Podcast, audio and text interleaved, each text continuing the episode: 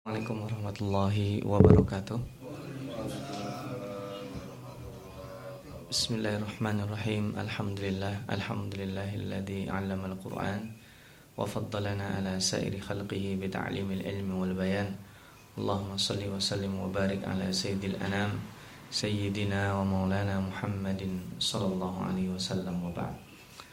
Alhamdulillah pada pagi hari ini Jumat di bulan Syawal di pertengahan bulan kita dipertemukan Allah Subhanahu wa taala. Mudah-mudahan apa yang telah kita lakukan di bulan Ramadan dan saat kita berada di bulan Syawal ini benar-benar merupakan peningkatan capaian yang telah kita lakukan di bulan lalu. Dan insya Allah kita akan melanjutkan uh, halaqah tadabbur Al-Qur'an kita, halaqah ke-9 Nanti kita akan menadaburi surat Al-Baqarah lanjutannya ayat 58 sampai 61. Sekedar mengingatkan bahwa ini adalah silsilah dari nikmat-nikmat yang diberikan Allah kepada Bani Israel yang dulu pernah kita sampaikan. Nah, dari sejak mereka diselamatkan dari Firaun, eh, tidak semua yang dibunuh Firaun itu kemudian habis menghabiskan laki-laki karena prakteknya meskipun dibunuhi bayi-bayi laki-laki tidak semuanya Allah selamatkan sebagian sehingga mereka tidak kekurangan uh, jenis kelamin laki-laki di Bani Israel. Kemudian ketika mereka meminta makanan dari langit Allah beri ketika mereka kemudian berbuat salah dengan menyembah sapi yang terbuat dari logam. Mereka berikan kesempatan untuk memperbaikinya. Dan nanti di sini adalah lanjutannya yaitu ketika Allah mengatakan kita langsung saja ya. A'udzubillahi minasyaitonirrajim. Bismillahirrahmanirrahim. Wa idh qulna dkhulu hadhihi al-qarya fakulu minha haitsu syi'tum raghada wadkhulul baba sujjada wa qulu hittah. Naghfir lakum khatayakum wa sanazidul muhsinin dan ketika Allah Subhanahu wa taala mengatakan kepada Bani Israel itu, masuklah ke sebuah desa.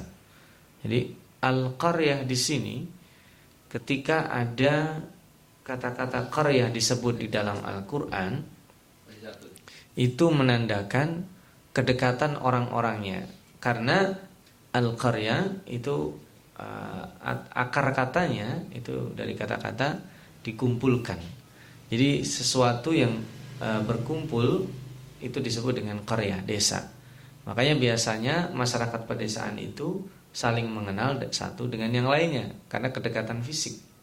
Nah, sebenarnya harusnya kita di Jakarta ini kan kedekatan fisiknya melebihi dari yang di desa, samping-sampingan. Tetapi prakteknya justru samping tetangganya nggak tahu kalau ditanya kenal rumahnya bapak si Fulan, oh nggak tahu padahal itu sampingnya persis. Nah itu berarti esensi dari yang disebut di dalam Al-Quran atau dalam bahasa Arab tidak terjadi. Hakikatnya disebut Korea itu karena perkumpulan yang berdekatan. Nah, ini menginginkan Allah menginginkan bahwa di dalam Korea yang disebut di sini jumhur ulama mengatakan Baitul Maqdis.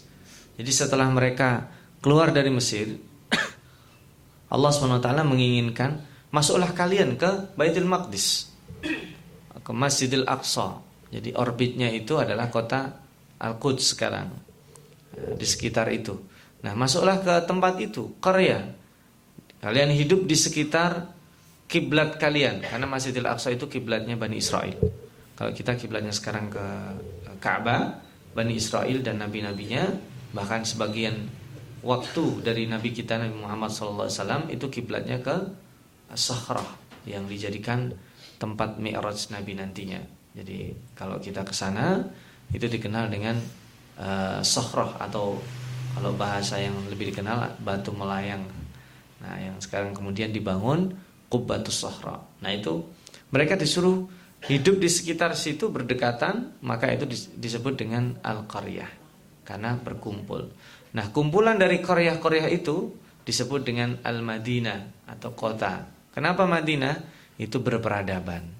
Jadi seseorang yang dari kelompok uh, keluarga dari klan A bertetangga dengan klan B, C dan berikutnya jadilah disebut dengan uh, sipil ya, masyarakat sipil yang modern yang sering disebut dengan civil society. Nah, Madinah itu adalah aslinya kumpulan dari keluarga A, keluarga B, keluarga C dan sebagainya. Meskipun itu di dalam peradaban modern tidak terjadi karena prakteknya si A punya anak lima, yang satu ke mana, yang dua ke mana, yang tiga ke mana, tidak berkumpul karena masyarakat modern berbeda dengan masyarakat yang yang dulu.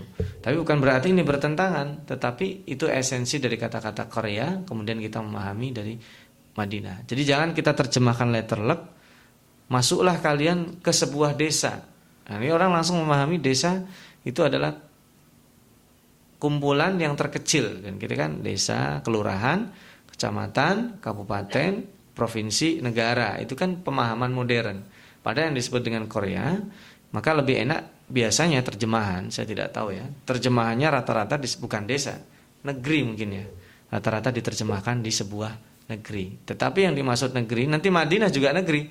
Itu maksudnya adalah kumpulan masyarakat terkecil. Setelah Allah perintahkan apa? Nah ini luar biasa. Fakulu. Makan aja yang di situ ada. Itu subur. Baitul Maqdis itu tanahnya subur. Kalian bisa bercocok tanam Perintah makan itu artinya kita masuk ke sebuah tempat, kemudian tempat itu tanah kosong tetapi subur, makan kalian dari situ itu artinya apa? Kerja dulu ya. Nyangkul dulu gitu. Jadi perintah makan itu maksudnya kerja dulu. Seperti misalkan uh, orang orang tua nyuruh anaknya, kamu uh, pergi ke kota A. Di sana nggak ada keluarga, nggak ada teman baik, makan kamu di sana. Itu artinya apa? Nah, kamu kerja cari kerja di sana, cari hidup di sana. Nah ini maka kata-katanya luar biasa. Fakulu. Loh belum apa-apa habis masuk langsung disuruh makan. Bu, enggak berarti langsung wah kita masuk ke tempat kayak kayak jadi tamu, bukan. Masuk kamu ke sana, jadi orang yang menghidup-hidupi diri kalian dan sekitarnya di sana dan makan di sana. Nah, haitsu syi'tum ragada. Terserah. Kalian boleh nanam padi, boleh nanam apa, boleh melakukan apa. Yang jelas itu ada usaha. Kata fa di sini luar biasa. Maka Allah akan jamin ada makanan di situ. Wadkhulul bab dan masuk dari pintu gerbang yang depan, jangan dari belakang. Ya, mereka ini penakut ya. Yang nanti ditafsirkan di dalam surat Al-Maidah, oh kami nggak mau masuk karena di dalamnya ada orang-orang yang yang kejam karena waktu itu dijajah sama sama negara uh, sama sebuah kaum yang disebut dengan kaum menjabarin yaitu orang-orang yang dikenal kuat dan kejam. Itu nanti ketika sudah sampai kita jelaskan di surat Al-Maidah. Nah, masuk dan bersujudlah. Sujud dalam artian mungkin kalau lebih luas salat. Nah, mungkin sebagai rasa terima kasih kita eh, Bani Israel diselamatkan dari Firaun. Dan katakanlah hittah. Hittah itu satu kata yang artinya ya Allah bebaskan kami dari dosa yang sudah lalu dan bisa jadi diartikan dari kesalahan yang akan datang. Nah, tapi mereka nanti mengganti, nggak mau ngomong hitoh, diganti dengan hintoh. Itu menurut uh, sebagian besar riwayat mengatakan demikian. Artinya berbeda. Jadi kita ulang ya. Apa? Ini lanjutan dari kemarin ya. Kali ini masuk kalian ke sebuah tempat negeri Korea, ada orbit nya di sana itu Baitul Maqdis. Nanti jadi tempat sholat kiblat sholat kalian. Lalu kedua kalian cari makan di situ. Terserah makan aja, apa aja. Kemudian yang ketiga masuk dari depan pintu depan. Jangan dari belakang. Masuk dari pintu pintu depan. Kemudian berikutnya sujud kalian begitu masuk sebagai pertanda bahwa kalian itu muslim orang yang berserah diri kepada Allah dan beristighfarlah itu bahasa kita sekarang Khittah itu istighfar. Jadi meminta ampunan kepada Allah SWT. Allah akan balas apa? Naghfir lakum khotayakum wa sanazidul muhsinin. Kami akan ampuni kesalahan kalian yang telah lewat dan akan kami tambah orang-orang yang berbuat baik dengan balasan yang baik. Al-Fakir ingin garis bawahi selain masuk kota, makanan dan masuk dari pintu gerbang, itu hittah. Allah Subhanahu wa taala menguji kita umat Islam itu dengan ibadah kata-kata. Dan efeknya dahsyat. Jadi kata-kata itu efeknya besar. Orang yang dari non muslim ke muslim itu cukup dengan syahadat. Betul kan? Ijab kabul antara seorang laki-laki dan seorang perempuan yang tadinya sebelumnya itu tidak ada hubungan apa-apa, sebagian besar hubungan mereka itu akan menjadi haram, itu. Jangankan pegang-pegangan, berdekatan, berkhalwat itu sudah sudah haram, tidak diperbolehkan. Begitu ijab kabul, ada satu menit itu ijab kabul. Nggak ada kan ya?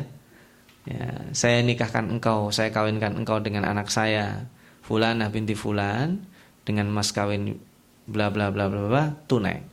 Yang laki-laki jawab, saya terima nikahnya Fulanah binti Fulan dengan mas kawin tersebut tunai. Sah, sah, selesai. Itu kan kata-kata. Jadi kata-kata di dalam agama kita itu besar artinya. Lalu kemudian ada orang menuduh berzina. Itu dosa besar dan harus dicambuk. Kemudian persaksian palsu termasuk dosa besar. Jadi kata-kata di dalam di agama kita itu luar biasa dan termasuk di antaranya zikir. Yang di dalam Al-Quran zikir itu kalau selalu dikaitkan dengan zikran kathira. Kalau zikir itu tidak kathira menjadi amalannya orang munafik. La yadkurunallaha illa qalila. Sedikit. Maka ini mereka nanti menghina. Nanti di, di ayat berikutnya fabaddalal ladzina zalamu qawlan غير الذي قيل لهم فأنزلنا على الذين ظلموا رجزا من السماء بما كانوا يفسقون Jadi mereka nggak mau. Jadi satu ketika ketika katakanlah sami'na wa ata'na, mereka ganti sami'na wa asaina. Kami dengar tapi melakukannya ntar dulu deh. Di sini disuruh hitah ngomong, dia ganti hintah Itu menurut jum, uh, jumhur uh, riwayat yang ada ya, banyak ada riwayatnya di antaranya hintoh. Hintah itu artinya ada yang menerjemahkan bawang putih, ada yang menerjemahkan, kebanyakan menerjemahkan itu gandum ya.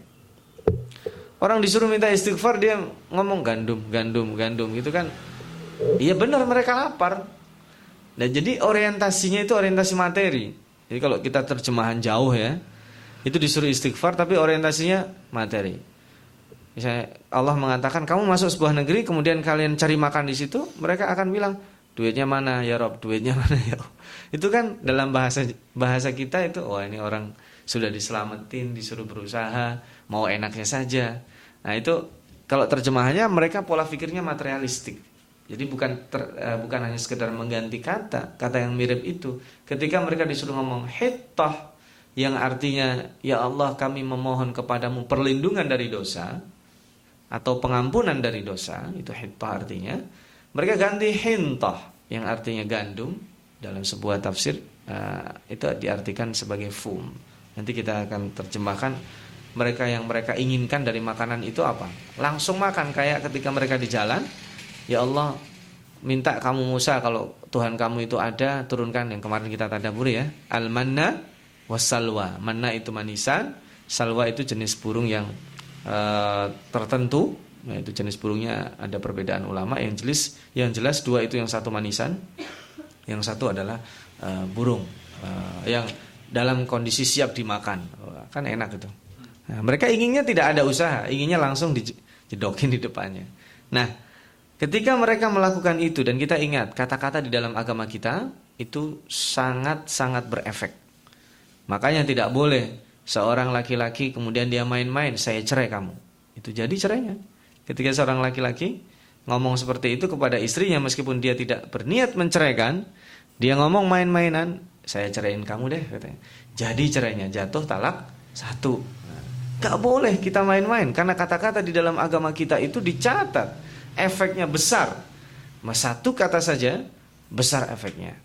Maka ketika eh, dalam hadis mengatakan Jangan kalian mencaci bapak kalian sendiri. Oh, kaget sahabat, bagaimana seseorang mencaci maki bapaknya? Yaitu kalian mencaci maki orang lain dan orang lain tersebut akan membalas mencaci maki bapak kalian. Kita panggil misalkan dengan seseorang, eh das, eh anak maling gitu misalnya. Nah, dia pasti akan membalas masih mending anak maling ente, anak garong. Nah, nah apa dosa orang tua kita? Karena perbuatan dan perkataan kita orang tua itu menjadi terseret. Nah, itu kan yang terjadi dan itu bermula dari kata-kata. Maka kata-kata itu sangat besar efeknya dan kita disuruh untuk menjaganya. Nah, Itu selesai. Satu. Yang kedua, Allah ingin mengingatkan nikmat berikutnya. Kalian sudah dikasih tempat, bisa bercocok tanam, mau makan apa saja, melakukan apa saja silahkan. Tapi mereka menolak. Dan sekarang mereka ada di sana, mengusiri orang-orang yang sudah uh, masuk sebelum mereka. Nah, di ayat 60 Allah katakan, Wa idistasqa Musa liqaumihi faqul nadrib bi'asakal hajar fanfajarat minhu thnata ashrata aina qad alima kullu unasim mashrabahum kulu washrabu min rizqillahi wa la ta'thaw fil ardi mufsidin Nikmat berikutnya ketika kehausan. Bani Israel dalam perjalanannya itu haus. Ketika kehausan mereka Nabi Musa alaihi salam diberikan mukjizat tongkat, dia pukul batu. Jadi kalau sebelumnya yang dipukul itu adalah air menjadi apa? keras ya, menjadi daratan. Sekarang dibalik. Yang beliau pukul batu yang keras bisa berubah menjadi air. Jadi sebenarnya Allah Subhanahu wa taala menjadikan sesuatu tanpa sebab itu bisa. Yang nyatanya bahwa kita kemudian menuhankan sebab itu. Nah, maka ketika sifat api itu membakar, Allah ingin katakan yang membuat api membakar itu bukan apinya, tetapi Allah. Maka Allah perintahkan api itu untuk menjadi dingin dan sejuk. Kuni bardan wasalaman ala Ibrahim. Dibalik. Ketika orang-orang mengira bahwa tongkatnya Nabi Musa itu sakti dan bisa mengubah benda-benda cair menjadi keras, Allah ingin katakan itu bukan kesaktian tongkatnya, tetapi siapa yang memiliki mukjizat itu? Siapa yang menitahkan itu? Allah ingin balik juga bahwa Allah sanggup membalikkan sebaliknya yang keras menjadi air. Jadi segala sesuatu yang kita alami setiap hari itu kita orang yang tidak punya Tuhan uh, mengatakan oh ini hukum alam. Seolah-olah alam itu seperti itu. Itu yang menciptakan Allah. Kalau kata-kata kita hukum alam kemudian kita yakini alam itu seperti itu begitu, nah kita bisa kafir. Nauzubillah min dzalik. Tetapi kalau kemudian kita maksudkan supaya meringkas pernyataan, semuanya kan Allah yang menciptakan. Bahwa air itu mengalir dari yang tinggi ke yang rendah. Tapi itu yang menjadikan Allah. Kalau Allah ingin membalik, bisa. Nah, Allah yang menjadikan manusia itu tidur sebelumnya ngantuk. Itu nikmat. Kemarin kita bisa bicarakan itu. Allah yang menjadikan bahwa banyak teori-teori alam yang kemudian orang mengatakan hukum alam dan Allah ditiadakan. Nah, ini yang yang kita tidak inginkan. Nah, ini salah satu hikmah Allah membalikkan itu juga supaya orang tahu bahwa tongkat itu bukan masalah tongkatnya, itu sebab saja. Allah menjadikan sebab itu bisa apa saja. Seseorang menjadi kaya, kan mungkin ada cerita-cerita inspirasi ya suksesnya seorang pengusaha. Dia bermula dari sebab tertentu, kemudian sebab itu dituhankan, itu yang salah. Karena Allah itu sebab itu hanya jadi sarana supaya kita berusaha. Tidak ada yang namanya kesuksesan atau hidup di dunia ini mendapatkan nikmat tanpa sebab mungkin Allah kasih, tetapi Allah secara umum akan memberikan sarana itu mendidik. Maka tadi ketika masuk kamu sebuah negeri, fakul, makan kalian. Ketika datang, mana makanannya Allah? Ya, nyangkul dulu dong. Nah, normalnya menanam itu bisa jadi tiga bulan, enam bulan. Tapi kalau ini perintah dari Allah, dia tanam bisa jadi besok pagi langsung berbuah. Nah, tapi harus ada proses nanamnya dulu dong. Kalau nggak ada ya nggak bakal dikasih Allah. Itu yang dimaksud sebab. Jadi kita jangan menyempelekan sekecil apa pun aktivitas kita. Itu sebab seseorang yang menginginkan, mohon maaf mungkin dia ingin punya keturunan. Sebabnya harus dilakukan, berobat. Tidak cocok, berusaha lagi. Seperti yang dilakukan ibunya Imam Al-Bukhari. Imam Al-Bukhari difonis buta permanen. Kemudian ibunya luar biasa membawa dia ke dokter satu nggak bisa, pergi ke dokter lainnya. Sudah difonis itu buta permanen, sampai akhirnya Imam Bukhari bisa melihat Itulah yang menjadi semangat beliau mengumpulkan 600 ribu hadis karena ibunya yang sangat gigih itu. Jadi sebab itu kita harus mencari. Kita tidak tahu di sebab mana yang Allah kemudian turunkan kita. Dan kadang kita di, diuji di sana. Nah ini ketika bahasanya fan fajarat Fanfajarat itu sebenarnya istilah kita itu salah ya. Air mancur, mancur itu dari atas ke bawah itu disebut sebenarnya mancur ya. Kalau dari bawah ke atas dalam bahasa Jawa itu disebut muncrat. Harusnya dalam dalam tradisi air mancur itu salah itu. Kalau dalam uh, apa? Secara bahasa kebahasaan itu salah, bukan air mancur sebenarnya. Mancur itu dari atas ke bawah. Nah, dari bawah ke atas itu kencang itu muncrat sebenarnya. Tapi kan kalau itu sudah menjadi adat istiadat kita ganti kan gak enak juga. Maka di sini infijar kalau dalam bahasa modern infijar terjemahkan meledak. Nah, itu kita identiknya dengan bom. Jadi air ketika meledak itu dari batu itu ke atas. Kencang sekali. Atau yang kita istilahkan sekarang dengan air mancur. Dan itu ada 12. Fan fajarat minhu dari batu itu ifnata asyrata aina. Dari ada 12 mata air. Nah ini ada perbedaan, ada yang mengatakan oh batunya banyak, nah, itu terserah lah itu, itu tidak jadi masalah kita ya. Tapi yang jelas yang dipukul Nabi Musa itu apa? Batu. Nah itu yang harus kita uh, harus kita tandai bahwa yang dipukul itu benda keras. Sebagaimana Nabi Soleh diolok-olok oleh kamunya. Kalau kamu Nabi coba dari batu itu keluarin onta. Mereka kan nggak mungkin kan. Ternyata keluar onta betulan. Nah itu sebenarnya Allah ingin bahwa yang bisa menjadikan itu Allah. Seseorang lahir ada bapak, ada ibu, itu normalnya, itu hanya sebab. Seandainya Allah menginginkan seorang anak keluar tanpa bapak, bisa. Tapi tidak akan terjadi lagi, karena kaidahnya, kharikul adat sesuatu yang disebut Allah. Dan setelah Nabi, karena Nabi itu mukjizat tanpa disebut peristiwanya, tidak akan terulang lagi. Karena Maryam disebut peristiwanya. Nah, ini juga terjadi dan kemudian mereka masing-masing tahu itu. Jadi ada ada yang mengatakan 12 ini 12 kabilah ya. Karena ini adalah mewakili dari kabilah Bani Israel, ini dapat A, dapat B, dapat C dan seterusnya. Kemudian Allah katakan Ma, makan dan minum kalian dari situ dan jangan berbuat kerusakan. Nah, supaya kita ada waktu karena di ayat 61 ini luar biasa ya. Ketika Allah katakan wa kultum. Ini yang ketiga hari ini ya kita tadabur yang pertama masuk ke perkampungan. Yang kedua adalah nikmat minuman tadi air. Yang Allah jadikan dari sesuatu yang mustahil kelihatannya tidak keluar air. Ini kalau kita coba bayangkan. Kita jalan nggak ada warung ya kan? Nggak ada ini kita kehausan. Nggak ada sungai. Nggak ada pohon-pohonan. Kita nyari air dari mana? Gali tanah kan yang kemungkinan ada air dapat 5 meter nggak ada air dapat 10 meter. Ini Allah ingin jadikan apa? Nggak usah. Pukul aja itu. Batu. Dan itu disebut dengan sekecil-kecilnya ikhtiar. Jangan sampai orang ya Allah saya udah cari eh bukan udah cari. Ya Allah saya pengen minta air haus banget. Tapi cuman diam. Nah itu salah. Nggak ada. Harus berusaha. Usaha itu nanti Allah temukan dari sekian sebab. Seperti hanya Siti Hajar ketika air susunya habis ya Ismail menangis karena ibunya sudah kehabisan air susunya. Dia jalan ke sofa, nggak ada air. Lari lagi ke Marwah, nggak ada air. Meskipun ikhtiarnya itu yang sama, tapi dia lakukan sampai berapa kali? Tujuh kali. Akhirnya Allah di tengah perjalanan dari sekian itu Allah berikan uh, ilham. Allah turunkan di situ air yang kita kenal sekarang dengan air zam-zam. Nah, yang ketiga terakhir pada kesempatan kali ini karena nanti masih ada lanjutannya.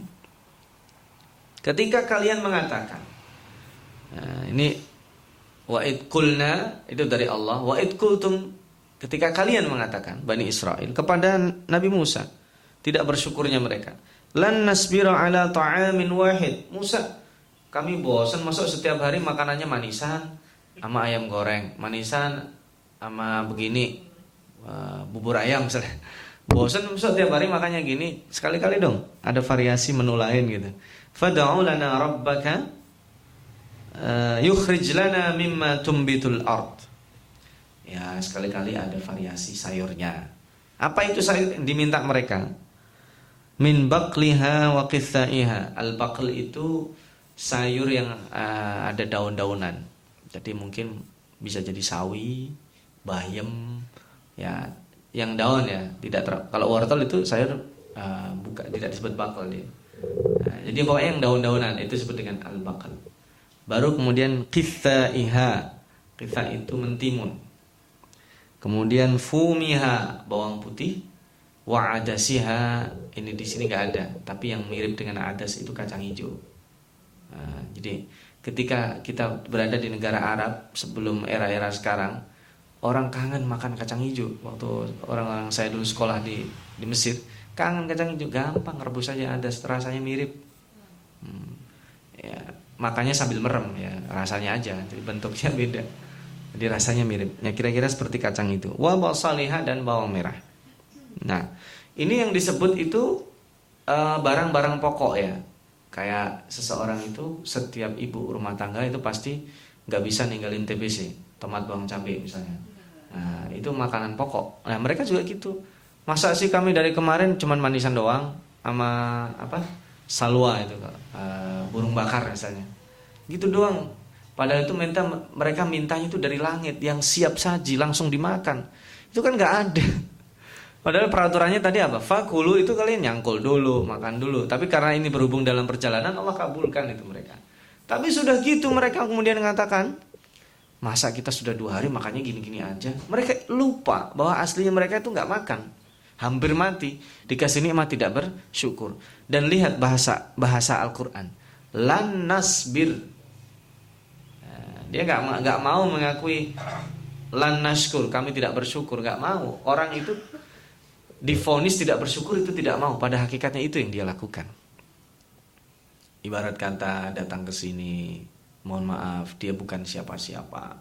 Kemudian ketika sudah menjadi orang sukses, bahasa dia nanti tetap lan nasbir, bukan lan naskur. Lan naskur itu dari perspektif orang lain. Ini orang nggak pernah bersyukur apa?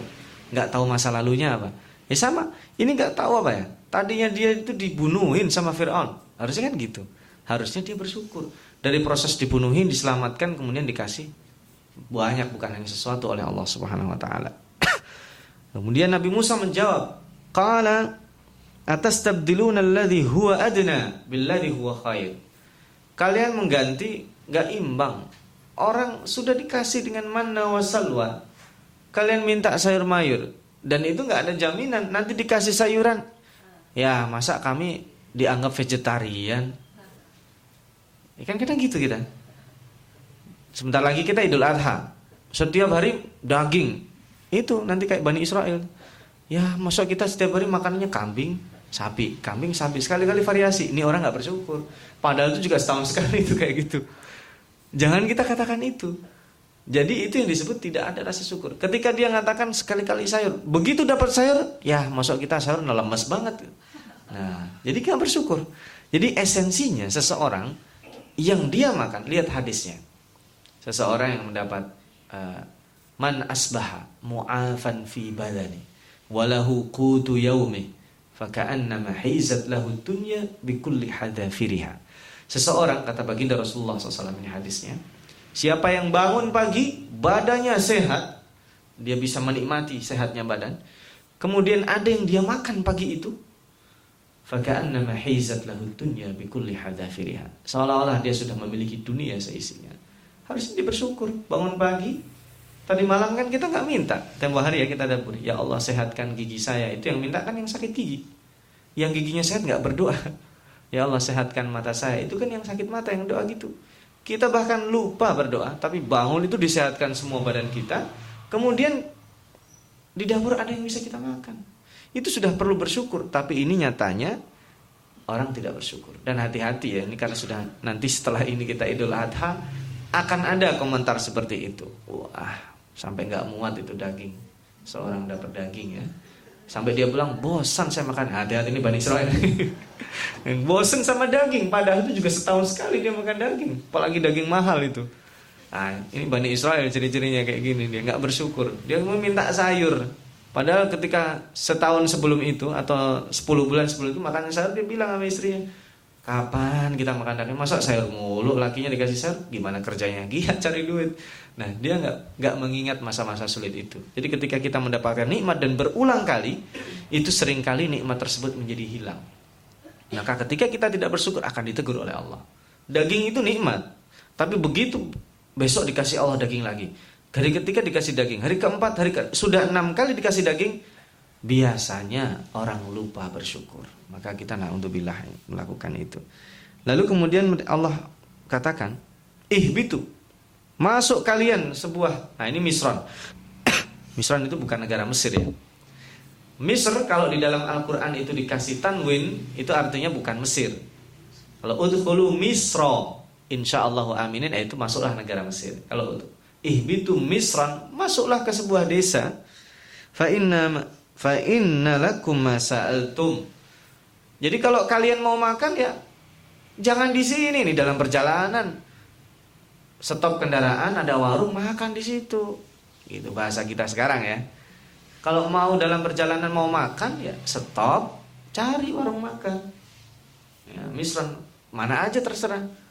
Lah ini makanan di sini asin semua. Itu memang di situ garam kerjanya setiap hari berlebih dia. Nanti masuk ke sebuah desa di sini makanan pedes semua. Oh ternyata di situ cabai di sana. Perkebunan cabai di situ masyarakatnya suka cabai. Nggak usah ngeluh. Jadi kalau kita misalnya suatu ketika merasa lapar, ya udah berhenti aja masuk di situ. Sederhana saja. Kemudian yang terjadi mereka melawan dan Allah hukum waduribat alaihimudhillah. Allah berikan kehinaan wal maskana. Allah berikan kenistaan. Wabau bighadabin minallah. Ini bahasa yang ngeri ya. Ba'u itu orang berada di satu tempat yang tidak bangun. Makanya ada wal yatabawwa maq'adahu minan nar itu duduk bukan duduk aja dia duduk di kunci itu sehingga mohon maaf itu bagian belakangnya nggak bisa dia tarik. Faba'u bighadabim minallah. Mereka akan mendapatkan murka setiap hari dari Allah. Itu kan ngeri. Orang yang tidak bersyukur itu akan mendapatkan kemurkaan Allah. Ghadab ya. Ghadab itu lebih parah dari neraka. Kita dimasukkan neraka karena Allah murka. Nah ini jelas-jelas Allah katakan masuk neraka. Jadi kayak gini. Ketika seorang keluarga, anggota keluarga di rumah kita melakukan kesalahan fatal, kemudian kepala rumah tangga bisa sekarang keluar kamu dari rumah ini. Itu kan hukuman. Padahal esensinya, kenapa disuruh keluar? Seperti syaitan disuruh keluar dari neraka, eh dari uh, surga ketika tidak mau sujud kepada Adam, disuruh keluar itu esensi bukan esensi, itu hukuman. Esensinya Allah marah. Ya kan? Gak suka dengan perlakuan itu. Maka ini langsung disebutnya yang menyebabkan seseorang dikeluarkan, disiksa dan sebagainya oleh Allah itu ghadab. Langsung disebut waba'u bi ghadabim minallah. Kalau sudah marah, hukumannya bisa macam-macam. Bisa ditenggelamin, bisa ditimpuk batu, bisa kemudian jadi hancur, bisa kemudian hidupnya tidak berkah. Itu banyak. Jadi maka ini sangat ngeri sekali dan Allah berikan satu uh, closingnya. Dzalika hal-hal yang tadi disebut Kanu yakfuruna bi ayatillah. Nomor satu, penyebab seseorang tidak mau bersyukur itu uh, tidak mempercayai ayat-ayat Allah. Wa yaqtuluna nabi nabi ghairil. Dan nanti mereka itu ini belum terjadi ya dan akan terus terjadi. Makanya bahasanya bukan uh, wa qatalu. Mereka telah membunuh. Ini bisa jadi prosesnya terus. Wa yaqtulun akan membunuhi. Jadi nanti kalau kita meskipun bukan nabi, ngingatin orang salah dibunuh. Nah, Bani Israel yang bunuh nih. Meskipun bukan Bani Israel, orang yang punya perilaku seperti itu. Bunuhin orang yang ngingetin. Nah, wa yaqtuluna nabi ghairil haq dzalika bima asaw wa kanu. Itu karena maksiat yang mereka lakukan dan mereka terus bersikukuh dengan hal-hal yang menyebabkan mereka seperti itu. Nah, ini uh, sekilas uh, sebelum nanti uh, Al-Fatir closing 2-3 menit dari nikmat-nikmat yang diberikan Bani Israel pada pekan ini dari Tadabur Halakah yang ke-9 tiga yang pertama disuruh masuk tempat orang mau kerja lamar ajukan lamaran kerja bahasa kita sekarang kemudian Allah suruh makan itu artinya suruh berusaha kemudian katakan sesuatu itu itu adalah simbol kita zikir kepada Allah itu bukan Allahu Akbarnya. Tapi Allahu Akbar barangkali yang satu hari 250 yang tempo hari kita katakan. Kita bertasbih subhanallah. Dalam sholat berapa kali kita bertasbih? Tiga kali ruku, enam kali sujud, dua kali sujud ya. Habis itu tambah 33. Itu bukan zikir subhanallah supaya berkesan. Supaya menjadi energi motivasi dalam diri kita. Nah, itu yang dimaksud bukan hanya sekedar di sini. Katakan hittah. Bukan hittahnya itu, tetapi kesan motivasinya dari Allah yang mengampuni kita. Kemudian nikmat kedua adalah nikmat air yang normalnya Allah jadikan dari air tapi di sini disebut dari uh, dari batu. Itu yang membuat kekuasaan adalah Allah dan yang terakhir adalah hati-hati kalau kita tidak bersyukur. Ini dia sudah dikasih manisan sama uh, manna dengan salwa ya dengan uh, burung bakar dan manis-manisan. Al-manna itu manis-manisan, salwa itu burung bakar. Tapi mereka mintanya nggak seru dong uh, kalau nggak ada sayurnya. Uh, mereka minta ya dikasih timun lah, dikasih bawang putih lah, dikasih adasnya lah. Itu sebagai pelengkap. Nanti giliran mereka dikasih sayuran juga akan ngeluh. Ya kayaknya nggak seru juga makan tanpa daging. Nah itulah tabiat manusia yang uh, secara umum apalagi ini Bani Israel karakternya seperti ini. Ini mungkin yang bisa Al Fakir sampaikan. Uh, mudah-mudahan bermanfaat dan insya Allah kita akan lanjutkan pada kesempatan yang akan datang. Nanti setelah kita tutup silahkan jika masih ada yang perlu ditanyakan uh, sekitar 5-10 menit maksimal. Terima kasih. Itu yang bisa Al Fakir sampaikan. Mohon maaf jika ada kata-kata yang kurang berkenan. Jazakumullah khairan. Aku lu qauli hadza ja'alallahu iyyakum minal ladina yastami'una al-qaula fayattabi'una ahsana. Assalamualaikum warahmatullahi wabarakatuh.